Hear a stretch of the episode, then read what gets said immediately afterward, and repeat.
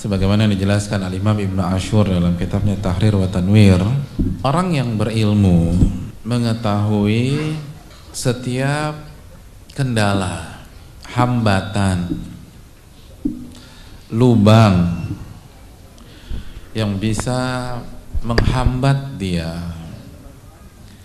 dan bisa mengandaskan perjalanannya menuju surga Allah Subhanahu wa taala. Berbeda dengan orang yang nggak tahu ilmunya. Maka lebih rentan untuk terpelosok, lebih rentan untuk terjebak, lebih rentan untuk terjatuh di dalam lubang atau di dalam jurang-jurang dosa yang akan menghambat dia bahkan menghalangi dia dari ridho Allah Subhanahu wa taala. Orang yang berilmu tahu bahwa penghalang terbesarnya menuju Allah itu syirik. Kalau sudah melakukan kesyirikan, fakat haramallahu alaihi jannah. Allah haramkan surga buat dia. Maka dia akan menjaga diri dari kesyirikan.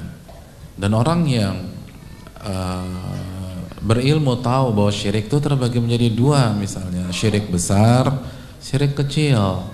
Maka di samping dia hanya mau beribadah kepada Allah, tidak mau melakukan peribadatan atau hal-hal yang memiliki nilai ibadah kepada selain Allah, dia pun juga menjaga hatinya untuk tidak ria dan tidak melakukan hal-hal yang bisa menjerumuskan dia dari atau kepada ria. Karena dia tahu nih kalau udah ria, Allah nggak butuh dengan amal saya. Kalau sudah ria, nggak akan sampai ke surga. Fahijratuhu ila mahajra ilai.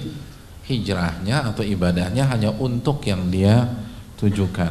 Maka yang awalnya uh, senang disanjung orang, senang dipuji orang, akhirnya ketika dia udah belajar, oh ternyata ria itu beramal dengan niat untuk dipuji oleh manusia. Semenjak itu dia nggak suka dipuji semenjak itu dia nggak ingin memperlihatkan amalannya.